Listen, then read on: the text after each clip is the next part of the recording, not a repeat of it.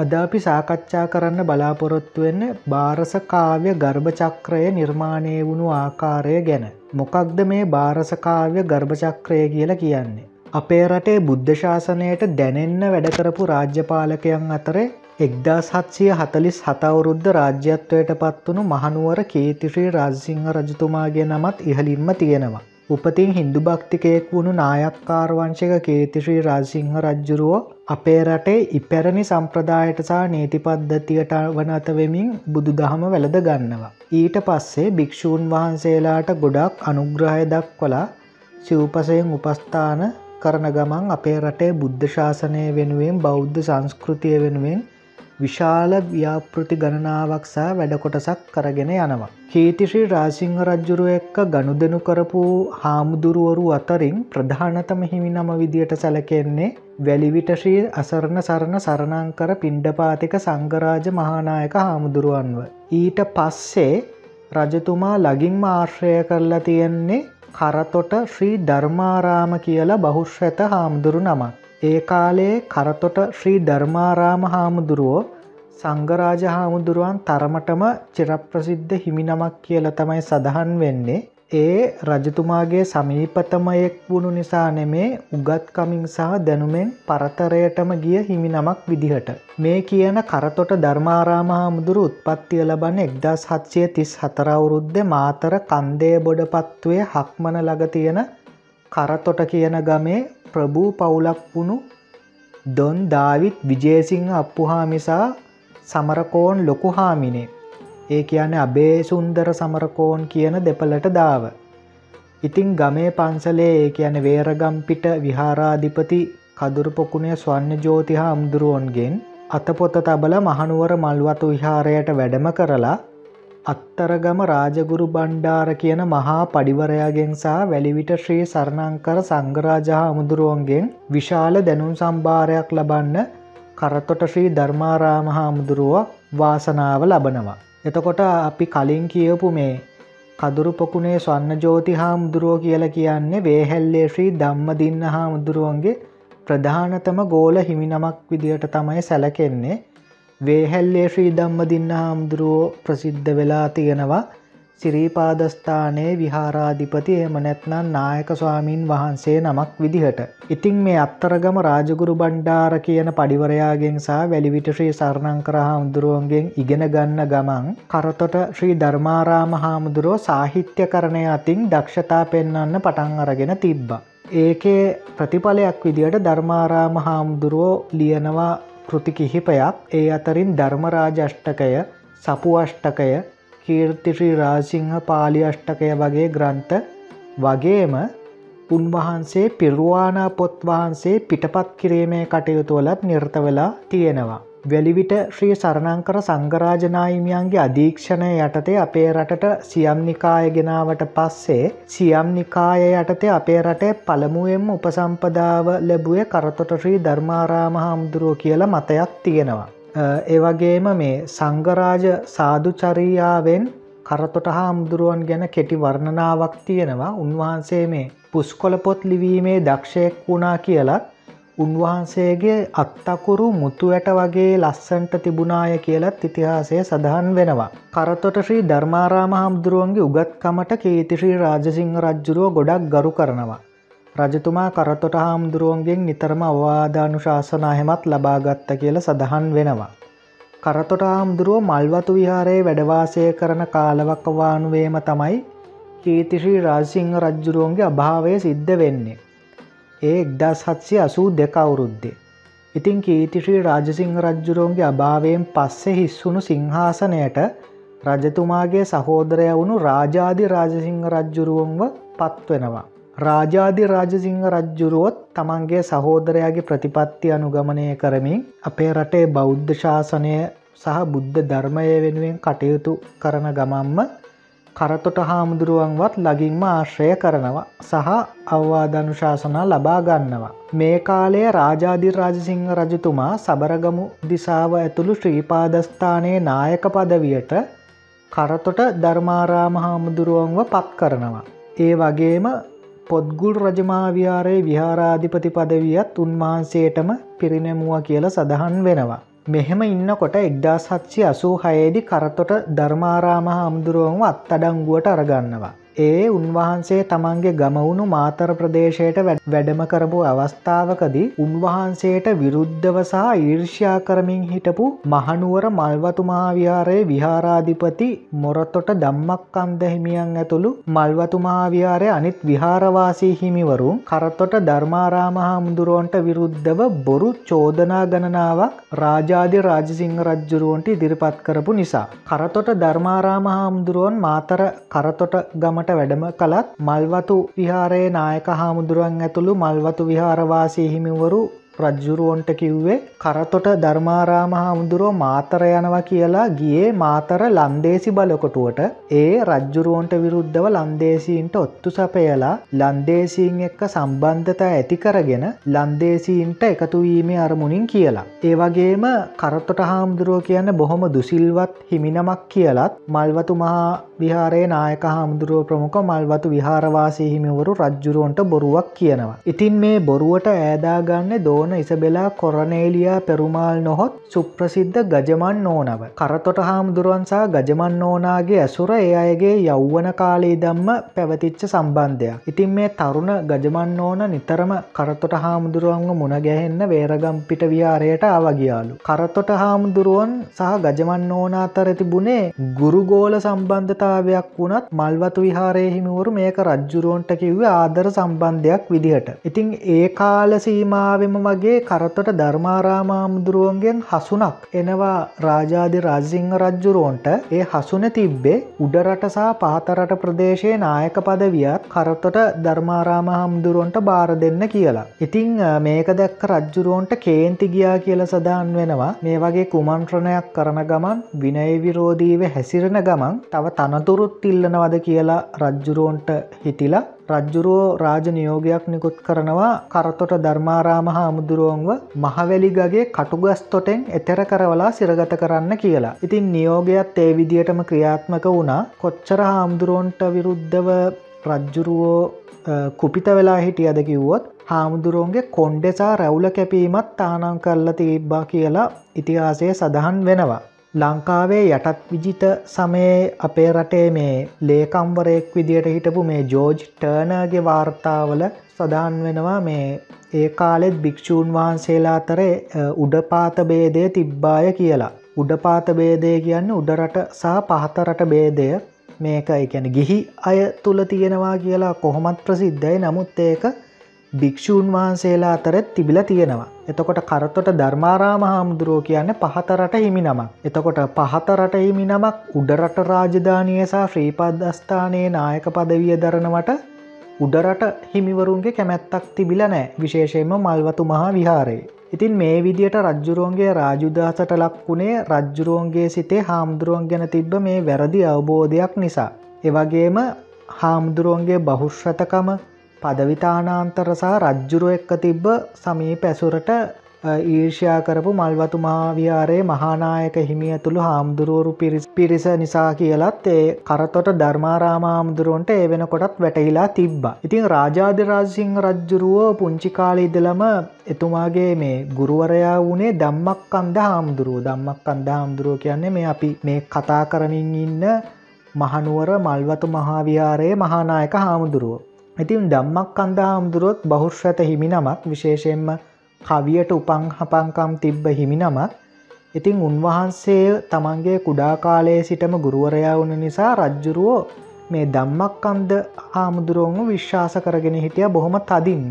මේ සිද්ධිය නිසා ගොඩාක් කම්පාවට පත්වෙන කරතට ධර්මාරාම හාමුදුරුවන්ගේ ගුරුවරයෙක් වුණු අර අපි කලින් කියපු අත්තරගම බණ්ඩාර පඩිවරයා කටත්තොට හාමුදුරුවන්ට අපූරු යෝජනාවක් කරනවා. ඒ තමයි රජතුමාට සහ රජ්ජුරුවන්ගේ වටේ ඉන්න ඔය පිරිසට තේරුම් ගන්න බැරි සංකීර්ණ කවියක් ලියලා රජ්ජුරුවන්ට යවන්න කියලා. ඉතිං දැන් රාජාධිරාසිංහ රජ්ජුරෝ කියන්නෙත් සාහිත්‍ය ලෝලියෙක් ඉතිං මේ රාජාධිරාසිංහ රජ්ජුරුවන්ගෝ සාහිත්‍යයෙන්ම මට්ටු කරන්න කියලා මේ අත්තරගම බණ්ඩාර පඩිවරය කරතොට ධර්මාරාම හාමුදුරුවන්ට කියනවා. ඉතින් කරතොට ධර්මාරාම හාමුදුරුවෝ මේ සිරගේ ඉන්න ගමම්ම ඒකට එකග වෙලා කවියක් රචනා කල්ල රජ්ජුරුවන්ට යවනවා.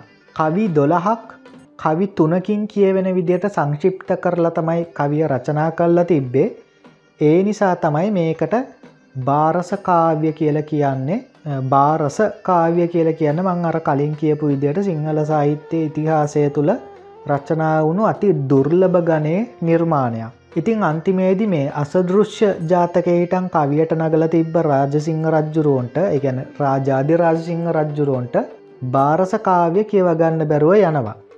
ඉති රජ්ජුරුවන්ට ලැජ්ජ හිතිලා මේ මේ කවියේ තේරුම කියල දෙන්න කියලා මල් මල්වතු මහාවිහාරය මහානායක හාමුදුරුවන් වුණු කරතොට ධර්මාරාම හාමුදුරුවන්ව සිරගත කිරීමේ මෙහියුමේ මහා මොලකාරයා වුණු මොරතොට දම්මක් අන්දා හාමුදුරුවන්ගෙන් ඉල්ලීමක් කරනවා.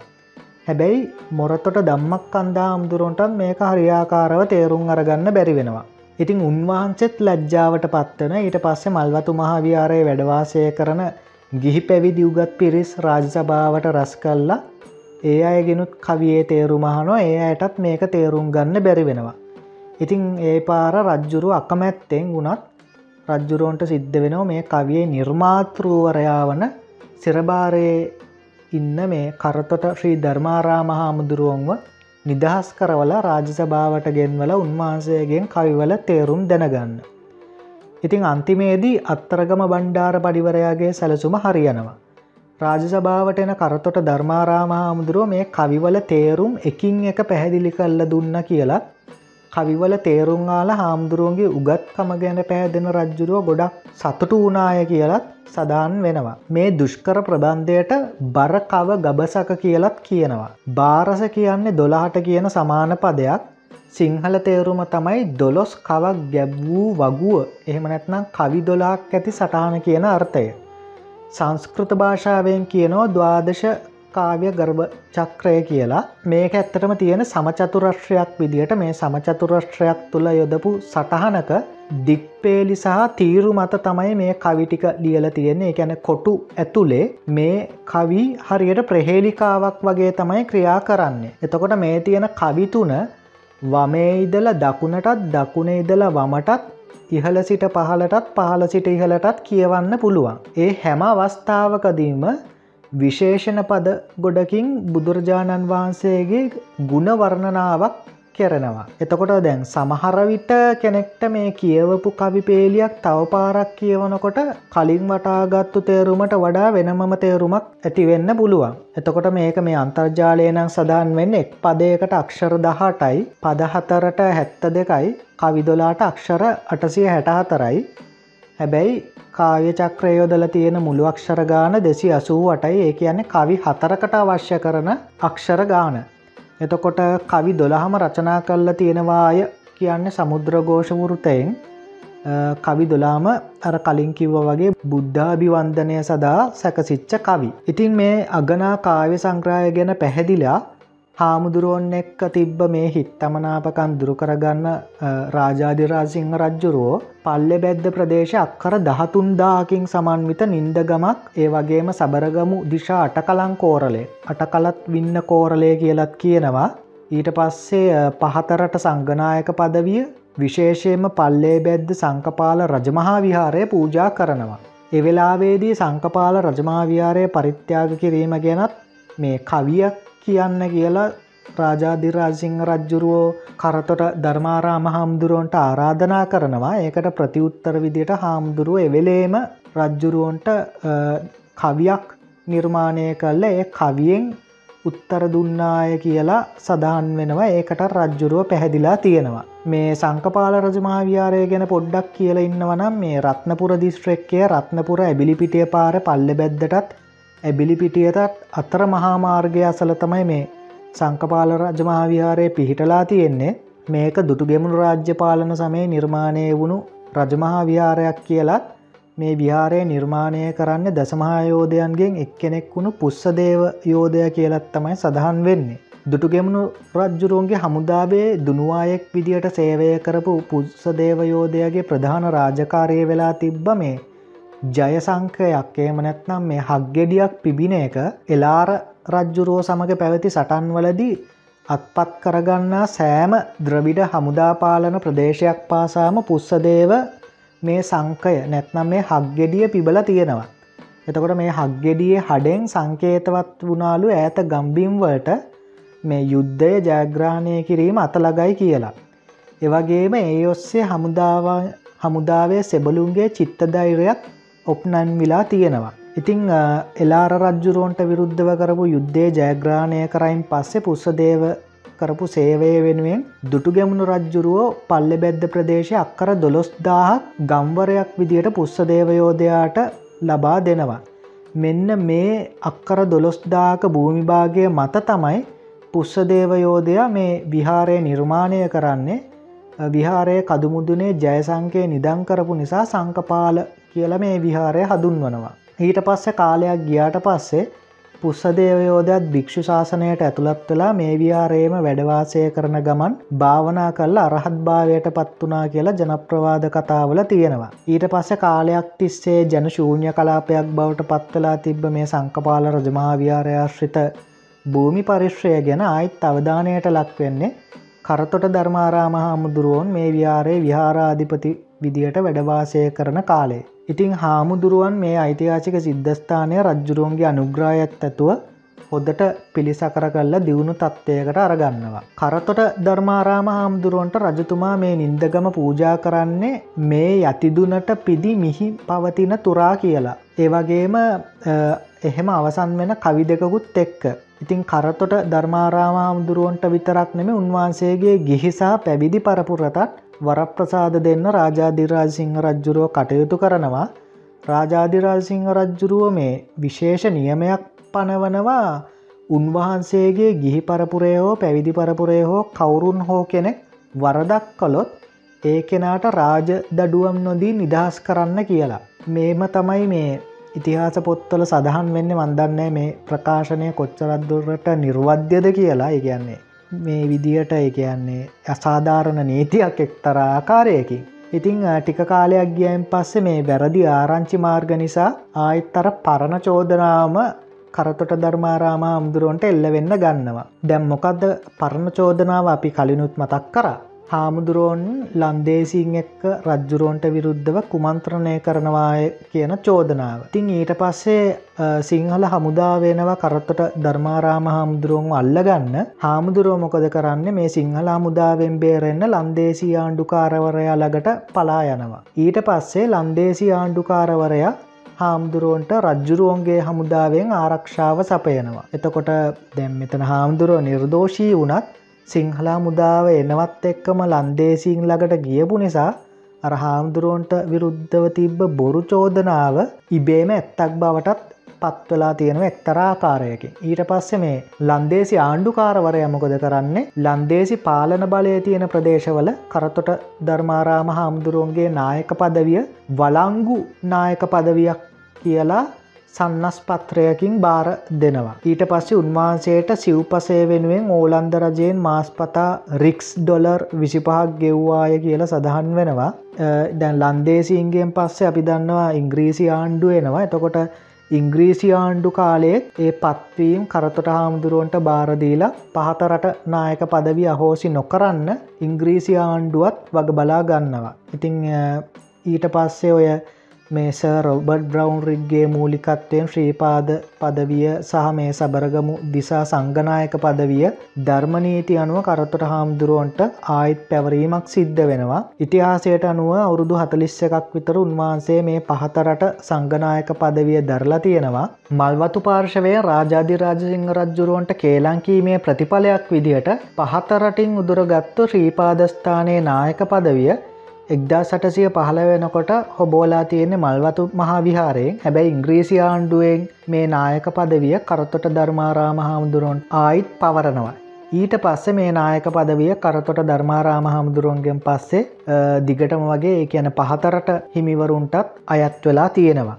ඉංග්‍රීසි ආණ්ඩුකාරවරු මේ සියලුම වරප්‍රසාද උන්වහන්සේට ලබාදීල තියෙන්නේ මේ බ්‍රිතාන්‍යයේ තුන්වැනි ජෝජ් මහරජ්ජුරුවන්ගේ අනුදැනුම මත කියලත් සඳහන් වෙනවා එවගේම මේ සංගාධිකරන පැවැත්වීම් සහ පන්සල්වල ඉඩකඩන් සම්බන්ධ නඩු විශාල ප්‍රමාණයක් කරතොට ධර්මාරාම හාමුදුරුවන්ගේ මැදිහත්වීමෙන් සමතයකට පත්ලා තියෙන ඉංග්‍රීසි ආණ්ඩු කාලෙ. ඉතිහාසයට අනුව මාතරනගරයේ වැඩ සිටින උගතක වූ කරතොට නායක හාමුදුරුවන් විශේෂයෙන් ආශ්‍රය කළ යුතුය උන්වහන්සේගේ සිත රිදෙන යමක් නොකළ යුතුවක් මෙන්ම සිතදිනාගෙන රාජකාරි කළ යුතුය කියලා ලියමනක් ස තෝමස් මෙට්ලන්ඩ් ආණ්ඩුකාරවරය විසින් මාතර දිසාපති විදියට රාජකාරි කරපු තෝමස් ඊඩන්ට යවල තියෙනවා. කරතොට ධර්මාරාම හාමුදුරුව සාහිත්‍යකරණය සහ ධර්මව්‍යාප්තියේ නිර්ත වෙන ගමන් උගත් ගිහි පැවිදි ශිෂ්‍ය පිරිසක් බී කල්ල තියෙනවා ඒ අතර ගාල්ලේ මේදංකර කටුකුරුන්දේ දම්මානන්ද මිහිර පැන්නේ දම්මරතන වලගෙදර දම්මදස්සි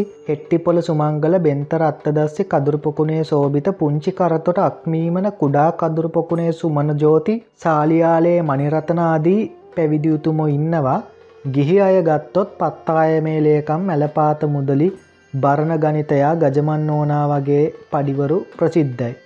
ඊට පස්සේ ඕලන්ද ආණ්ඩුකාරයෙක් වුණු ඉවෝන් විලෙමි ෆෝක් කියන ආණ්ඩුකාරවරයා කරතොට ධර්මාරාමහාමුදුරුවන්ගෙන් සිංහල භාෂාව එතකොට හෙළ සිරිත් විරිත් සිංහල ආණ්ඩු ක්‍රම සහ නීතිරීති වගේ දේවල් ඉගෙනගත්තාය කියල සඳහන් වෙනවා අනිත් අතට බ්‍රිතාන්යන්ගේ උඩරටාක්‍රමණය මහා මොලකාරය වුණු ජෝන් ඩොයිලිත් සිංහල භාෂාව ඉගෙන ගත්තේ කරතොට ශ්‍රී ධර්මාරාමාමුදුරුවන්ගෙන් කියල සඳහන් වෙනවා. කරතොට ශ්‍රී ධර්මාරාමාමුදුරුවන්ගේ අපවත්වීම සිද්ධ වුණු අවුරුද්ධ ගැන නිශ්චිතව සොයාගන්න බෑ මොකද සමහරක් තැනක තියෙන එක්දා සටසිය විසි දෙකේ කියල සමහරත් තැනක එක්දා සටසිය විසි හයේ කියලා තියෙනවා සමහරක් තැනක එක්දා සටසේ විසි හතය කියලත් තියෙනවා. ඒවගේම සමහරක් තැන්වල එක්දා සටසේ තිස් දෙකේ කියලත් තියෙනව කෝමාරි මේ වයසවුරුදු අනූගානක් උන්වහන්සේ අයුවලදලා තියෙනවා. එතකොට උන්වහන්සේගේ අපවත්වීම සිද්ධ වෙන්නේ බ්‍රිතාන්‍ය ආණ්ඩුකාර ස ජේම්ස් කැමල්ගේ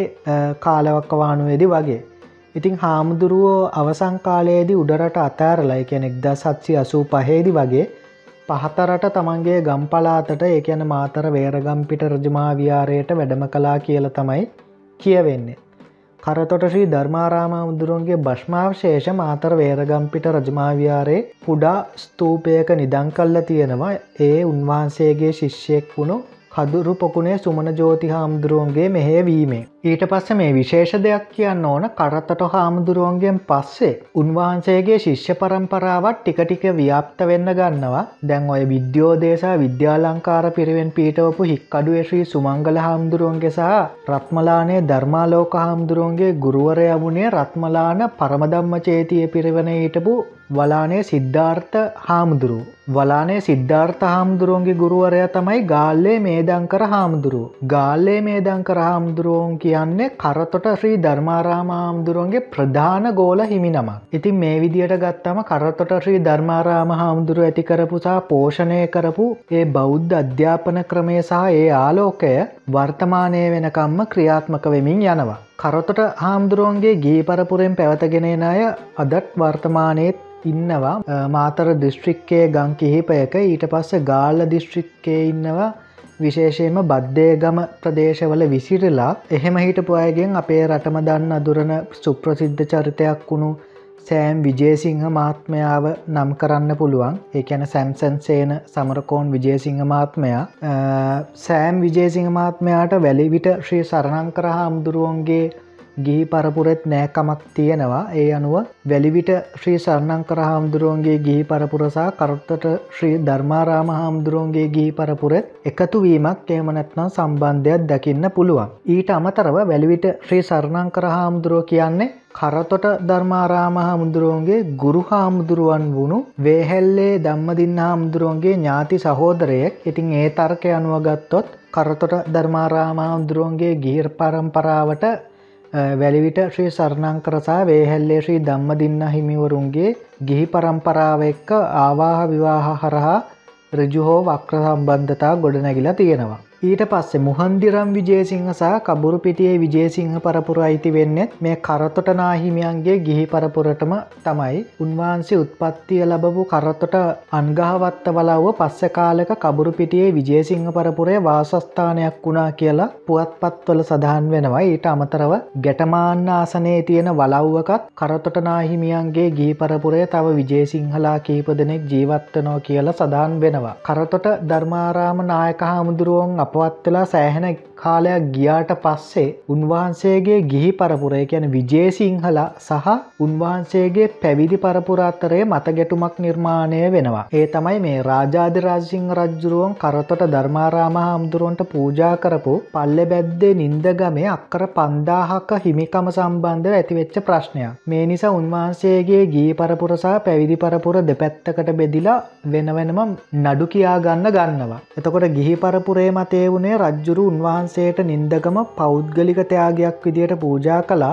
ඒ නිසා මේ නින්දගමේ හිමිකාරීත්වය ගිහි පරපුරටත් තියෙනවා කියලා. පැවිදි පරපුරේ මතේ වුණේ රජ්ජුරුවමේ නින්දගම උන්වහන්සේට උන්වහන්සේට සන්නසකින් ප්‍රධානය කලා ඒ සන්නස අනුව තුඩපතක් ලියා පදිංචි කල්ල තියෙනවා. එක්දා සටසිය දහට අවුරුද්ධ ජනවාරි තුන්වෙනිදා උන්වහන්සේ ලියාපදිංචි ඔප්පුුවකින් මේ මුළු නින්දගමම කදුරු පොකුණේ ධම්ම ජෝති හාමුදුරුවන් ඇතුළු ගෝල පරම්පරාවට පැවරුවා කියලා ඒ නිසා ඒ නින්දගම පැවිදි පරපුරට අයිතියි කියල තමයි පැවිදි පරපුරේ අය කිව්වේ. ඉතින් මේ නඩුවේදී අධිනීතිීඥ වෝල්ට විමල චන්ද්‍රසා රාජනීතිීඥ ඇන්නී වීරසූරිය මහත්තුර දෙපළ පැවිදි පරපුර වෙනුවෙනුත් අධිනීතිීඥ ඒසී ගුණරත්නමාත්මය ගිහි පරපුර වෙනුවෙනුත් පෙනීදල තියෙනවා. නඩු අවසානයේදී රත්නපුර රිස්ට්‍රික්කයේ මේ විනිශ්චකාර DHස් ගුණසේකරමාත්මය මුළු නින්ද ගමම පල්ලෙ බැද්ද සංකපාල රජමාවියාරයට සහ පැවිදි පරපුරට අයිති දේපලක් විදියට තීරණය කල්ලා තියෙනවා. හැබැයි මේ විජේසිංහ පරම්පරාව සමහරක් වැඩිහිටි උදවියගෙන් අපට තවත් වෙනස්මාකාරය කතාවක් දැනගන්න ලැබුණ. ඒ තමයි එයාලට අනුව මේ පස්ස කාලයක සංකපාල රජමාව්‍යාරය සමහරක් ඉඩම් ලන්සියෙක් ඒ ඇන බර්ග ජාතිකය කත්පත් කරගත්තලු. ඉතින් මේ නඩුවේදී කලින් කතාවට වඩා ටිකක් වෙනස් කතාවක්. ඒ කියන්නේ කරතොට ධර්මාරාම හාමුදුරුවන්ගේ ගිහි පරම්පරාවසා කරතොට ධර්මාරාම හාමුදුරුවන්ගේ පැවිදි පරම්පරාව කියන මේ පරපුරවල් දෙකම එකට එකතු වෙලා බර්ග ජාතිකයාට විරුද්ධව නඩු පැවරුවා කියල තමයි අනිත් මතේ තියෙන්නේ. එතකොට එතෙන්දි කරතොට හාමුදුරුවන්ගේ පරපුර නඩුව දින්න කියලා ඊට පස්සේ ගිහි පරම්පරාවේ අය ස්වේච්චාවෙන් තම තමන්ගේ කොටස් පන්සලට පූජා කලා කියලත් සඳහන් වෙනවා. ඉතිං සමහරවිට මේ කතාව කියන්න ඇත්ත පලවෙනි කතාව නොහොත් අර අපි කලින් කියපු කතාව දැම් මේ සිද්ධිය නිසා තමන්ගේ පරම්පරාවට එකතු වෙච්චේ කළු පැල්ලම වහගන්න වෙන්නත් පුළුවන්. මොකොද මේ පලවෙනි කතාව නඩු තීන්දුව දීපු දවසට පස්සෙ දවස මේ සිද්ධි අපේ රටේ ප්‍රධාන පුවත් පත්වල පලවෙලා තියෙනවා උදාහරණයක් විදිහට එක්දස් නමසේ හැටේ පෙබරවාරි දා හතරවෙනිද ඉරිදා ලංකාදීප පත්තරය අරගන්න පුළුවන්. ඒවගේම කරතොට ධර්මාරාමා අමුදුරුවන්ගේ මේ ගිහි පරම්පරාව ගැන අපිට මුලින්ම දකුණු ප්‍රදේශයෙන් අහන්න ලැබුණත් මේ ගිහි පරම්පරාව ගැන ගැබුරින් පරීක්ෂණසා ගවේශණ කරපු අය කීප දෙනෙක් අපට කියපු විදිට මේ ගිහි පරම්පරාවේ ආරම්භය සහ මුල්වන් හුන් තියෙන්නේ උඩරට පලාතේ. ඉතිං උඩරටින් ආරම්භ වුණු විජේසිංහ කියන පරම්පරාවෙන් කොටසා උඩරට අතෑරලා දකුණු රටට සංක්‍රමණය වෙලා තියෙනවා කියලා මේ සිද්ධිය ප්‍රතිඵලයක් විදියට කරතොට ධර්මාරාමහාමුදුරුව දකුණේ හිමි නමක් විදියට ප්‍රසිද්ධත්වයක් උහුල්ලනවා කියලත් ඒ අයෝ අපට කියලා තියෙනවා. ඉතිං ඔන්න ඕක තමයි අද දවස අපේ වැඩසටාන ඉතිං අද දවස අපේ වැඩසටානේ මාතෘකා වුණේ කරතොට ශ්‍රී ධර්මාරා මහමුදුරුවන්ගේ ජීවිත කතාවස උන්වහන්සේ විසින් ලියපු මේ භාරසකාවය ගර්භචක්‍රය තව විශේෂ දෙයක් කියන්න ඕන මේ නිහතමානීව කියන දෙයක්. මේ වැඩසටාන කරන මමත් එක්තර ආකාරයකට කරතොට ශ්‍රී ධර්මාරාම හමුදුරුවන්ගේ ගිහි පරම්පරාවේ පුරුකා ඒක සිද්ධ වෙන්න මගේ මව්පාර්ශවය හරහා මගේ අම්මගේ නම ප්‍රියන්ති විජේසිංහ අම්මගේ ගම ගාල්ලේ අම්මගේ තාත්තය කියන අපේ සීයගේ මහගෙවල් තියෙන බද්ධය ගම සීයගේ නම තමයි සුගතදාස විජේසිංහ. එතකොට කරතොට ධර්මාරාම හාමුදුරුවන්ගේ ගිහි පරම්පරාවෙක්ක අපිට තියෙන ඥාතීත්තය සීය තමයි හෙළි කළේ එතකොට කරතොට ශ්‍රී ධර්මාරාම හාමුදුරුවන්ගේ පරම්පරාවට අපේ සීය පුරුකක් විදියට එකතු වෙන්නේ අපේ සීයගේ අම්මා නැත්නම් මෞතුමිය හරහාය කැන සීයා මගේ මීමිත් පුත්තනියගේ පරම්පරාව තමයි මේ කරතොට ශ්‍රී ධර්මාරාම පරම්පරාව දැම් මගේ සීයගේ තාත්තා සහ අම්මා දෙන්නගෙම නම් විජේසිංහ කියල තමයි කියවෙන්නේ කියන වාසගම් එතකොට දැන් මෙතන අපිට ඒ ඥාතීත්වවෙන්නේ සීයගේ තාත්තගේ පරම්පරාවෙන්නේ මේ සීයගේ අම්මගේ පරම්පරාවෙන්. ඉතිං අතීත මතක් වෙන මොකද ගොඩක් කලාට කරතොට ධර්මාරාම හාමුදුරුවන් ගැන මෙ හාමුදුරුවන්ගේ තියෙන බහුෂ්්‍රත භාවය රජ්ජුරුවන් දීපු ගම්වර ගැන සීය හරි අභිමානයෙන් කතා කර. ඉතින් ඒ කාලේ එව් අහහිටපු සීයගේ මුණුබුරු මිනිබිරිය වෙච්ච අපිට දැනුනේ මේ කරතොට ධර්මාරාම හාමුදුරුවන් ගැන කරතොට ධර්මාරාම හාමුදුරුවන්ටවත් නැති අයිතියක් අපිට තියෙනවා වගේ හැගීමක් මොකද මේ හාමුදුරුවන්ට තියෙන ඥාතීත්වය ගැන ඔප්පු කරන්න පුළුවන් සියලුම ගනේ ප්‍රබල සාක්ෂි සාධක අපේ සීය ලග ෆයිල් මිටි ගනන් තිබ්බා. ඉතිං ඒ ෆයිල් මිටි වල තියෙන ලිපි ලේකන පිටපත් ඔප්පු තිරප්පු එව්වා අධ්‍යනය කරන්න සෑහන මාස ගානක් අවුරුදු ගානක් වුණත් යනවා. එකන ඒ තරම් දත්තසා තොරතුරු ප්‍රමාණයක් ලේඛන ප්‍රමාණයක් සීය එකතු කල්ල තිබ්බ. එක්දස් නමසය පනස් සතවුරුද්ධ රසවාහිනී සගරාවට ජස්ටින් විජයවර්ධන මහත්මයක් කරතොට නාහිමියන්ගේ ගිහි පරපුර කියලා ලිපියක් පල කරනවා. මේ ලිපිය කරතොට ධර්මාරාමාමුදුරුවන්ගේ අවදී ඉදම් පැවතගෙන එන පරම්පරා නමයක විස්තර තියෙනවා. ඒ පරම්පරා නමය විස්තර තියෙන ඒ ලිපියේ අන්තිම පිටුවේ එකොළොස්වනි පරිච්චේදේ අපේ සීය ගැනත් සීයගේ සහෝදරයින් ගැනත් නම්ගම් වශයෙන් සඳහන් වෙනවා. ඉතින් ඒ පරම්පරා නමයක් එතකොට ආවරණය වෙලා තියෙනවා ඒ ලිපියේ ඉතිං අද වෙනකොට ගත්තොත් අද එකන මං දැම් මේ කතා කරන්නේ දෙදස් විසි එක වර්ෂය එතකොට දෙදස් විසියක වෙනකොට කරතොට ශ්‍රී ධර්මාරාමාමුදුරුවන්ගේ ගී පරම්පරාව පරම්පරාවල් දොළහක් දක්වා වර්ධනය වෙලා තියෙනවා. කරතොට ධර්මාරාමාමුදුරුවන්ගේ ගී පරම්පරාවේ දහවෙනි එකොළොස්ව නිසා දොළොස්වනි පරම්පරා ගැන ලියන්න සීයගේ විශාල උනන්දුවක් තිබ්බා. එතකොට අපි මේ කතා කරන මම අයිති වෙන්නේ එකොළොස්වනි පරම්පරාවට. කරතොට ශ්‍රී ධර්මාරාමාමුදුරුවන්ගේ මේ දහවෙනි එකොළොස්ව නිසා දොළොස්වනි ගිහි පරම්පරා ගැන විශේෂිත ලිපියක් ලියන සීයාගේ විශාල උනන්දුවක් තිබ්බා. නමුත් අවාසනාකට වගේ අරමුණ ඉෂ්ටවෙන්න කලින් සීය භාවප්‍රාත්ත වෙනවා දෙදස් දාහතා වුරුද්දේ. ඉතිං අද වැඩසටානේ මේ අපි කියපු කරුණුවලින් ඒ කියන මේ සීයට අනු පහක් විතර කරුණු මං අහගත්ත සීයගෙන් සහ මේ ගොඩක් සීය එකතු කරපු ලිපිලේකනවලින් ගත්තුව තමයි තියෙන්නේ. ඉතිං සීයා එකනේ සීයගේ ෆයිල් කවර ඇදල බැලුවම එක්දස් නමසය පනස් ගනන්වල ඉගැන් පනස් පණහා දශකයේ ඉදලා දෙදස් දා හතර වෙනකං කරතොට ධර්මාරාමා හමුදුරුව ගැන අපේ රටේ එකන පුවත් පත්වල පලවෙච්ච සියලුම ලිපි වගේ සීය එකතු කල්ල තියෙනවා. එකන මම ගැන්නම මටාවා පිටු එකන කඩදාසි පිටු එකසි අසුවක් එකසි අනුවක් විතර තිබ්බ. ඉතිං අද වැඩ සටහනය ගැන ඒ ඒවැයෙන් ගත්තු කරුණුවලින් මේ සාරංශත් තමයි ඉදිරිපත් කරේ. තව ඉතින් උන්වහන්සේ ගැන සා උන්වහන්සේගේ ජීවිත කතාව ගැන කියනවනන් තව ගොඩාත් දේවල් තියෙනවා. දැන් අපි භාරසකාවය ගැන සංශිප්තව සදාන් කරත් මේක දීර්ගව මේ මාස ගානක් යනකං කතා කරන්න පුළුවන් මාතෘකාවක් සහ එවගේ මුන්වහන්සේගේ අනෙකුත් සාහිත්‍ය සේවාවන්සා සාහිත්‍ය කෘති. ඉතිං අර මේ මං කලින් කිව්ව වගේ ඉතින් මේ එකතු කරපු ලිපි මම ඒවා ස්කෑන් කල්ල ඒවායේ පිටපත් අන්තර්ජාලයට මුදායරලා තියෙනවා. ඒකෙත් මම ලිංක් එකක් මං ඩිස්ක්‍රපෂන් එක සදාන් කරන්නම්. මොකද මේ දැම් මේ වැඩ සටහනේ මං මේ කතා කරපු දේවල් මම මීට අවුරුදු ගණනාවකට උදදිය කැන දෙදස් දහතුන දෙදස් දාතරවර්ශය වගේ මම විශාල ලිපියක්කින් උත් ප්‍රසිද්ධ කරා. එතකොට ඒ ලිපිය කියවපු ගොඩක් විශ්වවිද්‍යාල ළමයි එහෙම සෑන පේසක් ඒ අයගේ ඉදිරි පැවරුම් එතකොට අධ්‍යාපනික කටයුතු විභාග නිබන්ධනවලට මේ කරතොට ධර්මාරාම හාමුදුරුවන් ගැන විස්තර ඇහුවා.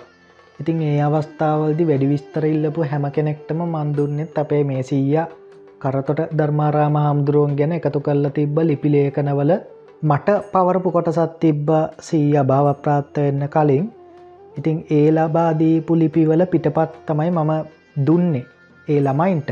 ඉතිං අනාගතයත් තව ගොඩක් ළමයි ඒ අයගේ වැඩවලට මේ කරතොට ධර්මාරාමහා උන්දුරුවන් ගැන වැඩි විස්තරහන්න පුළුවන් නිසා මං කරේ ඒ සීයදීපු සියලුම ලිපි මම පිටපත් කල්ල එකැන ස්කෑන් කරලා මං අන්තාජාලයට මුදාහැරයා ඉතිං ඒකේ ලිංක එකත් මම ඩිස්ක්‍රපෂන් එක පහලින් දාන්නම්. මම ඒ හැමලිපියක් මදාලා තියෙන්නේ මේ නියමිත ප්‍රමාණයෙන් ගුණාත්මක තත්ත්වයෙන් යුක්තවය නිසා අකුරු පෑදිලිව කියවන්න පුළුවන්. අපේ අවසරය නැතුව සෑම කෙනෙක්ගෙම මේ වානිජ නොවන අධ්‍යාපනික වැඩවලට සහ ලාභ නොලබන වැඩකටයුතුවලට අරගන්න පුළුවන්. මිතුරන් අතරත් හැකිතාක්ෂයා කරන්න කියලා ඉල්ලා සිටිනවා. ඉතිං මංහිතනවා ඒක සීය වෙනුවෙන් කරන්න පුළුවන් ඉහල්ලම උපකාරයක් කියලා. මොකද සීය අර කලින්කිව්ව වගේ දෙදස් දාහතේදී අපි අතරින් සමුගත්තත් සිය එකතු කරපුේ මේ තොරතුරු සම්භාරය සහ ඒ දැනුම් සම්භාරය තව අවුරුදු ගණනාවක් යනකං අනාගතයේ බිහිවෙන අපේ දවා දරුවන්ගේ දැනුමට සහ අධ්‍යාපනයට ඉවහල් වෙයි. ඉතිං සීය මේ වෙනකොට පින් අවශ්‍ය කරන ස්ථානයක ඉන්නවනම් ඒ පින් බලයෙන් සීයාගේ ආත්මය සුගතිගාමී වෙන්න කියලත් ඉදිරියේදී උපදින සෑමාත්මයක්ම සුගතිගාමී වෙන්න කියලත් සීයාගේ මේ ලිපි අපේම දරුවන් පාවිච්චි කරන වාරයක් වාරයක් පාසා නිවන කරා මේ යන ගමන තවතවත් කෙටි කරගන්න සියට හැකියාව ලැබෙන්න කියලත් ප්‍රාර්ථනා කරනවා. ඒක එකැන පුද්ගලික කතාවක් මේ වැඩසටාන ඇතරත් කිව්වේ හැමෝගෙම දැනගැනීම පිරිස ඉතිං ඕක තමයි අද දවස අපේ වැඩසටාන තවත් මේ වගේ වැඩසටානකින් නුදුරේදීම හම්බුවමු මගේ YouTube චැනල් එක සබස්ක්‍රයිබ් කල්ලා තියන්න. එතකොට ඉදිරියේදී එන වැඩසටහන් ගැන ඔගොල්ලොන්ට දැනගන්න පුළුවන්කම ලැබේ. එහෙනම් හැමෝටම සුබ දවසක්.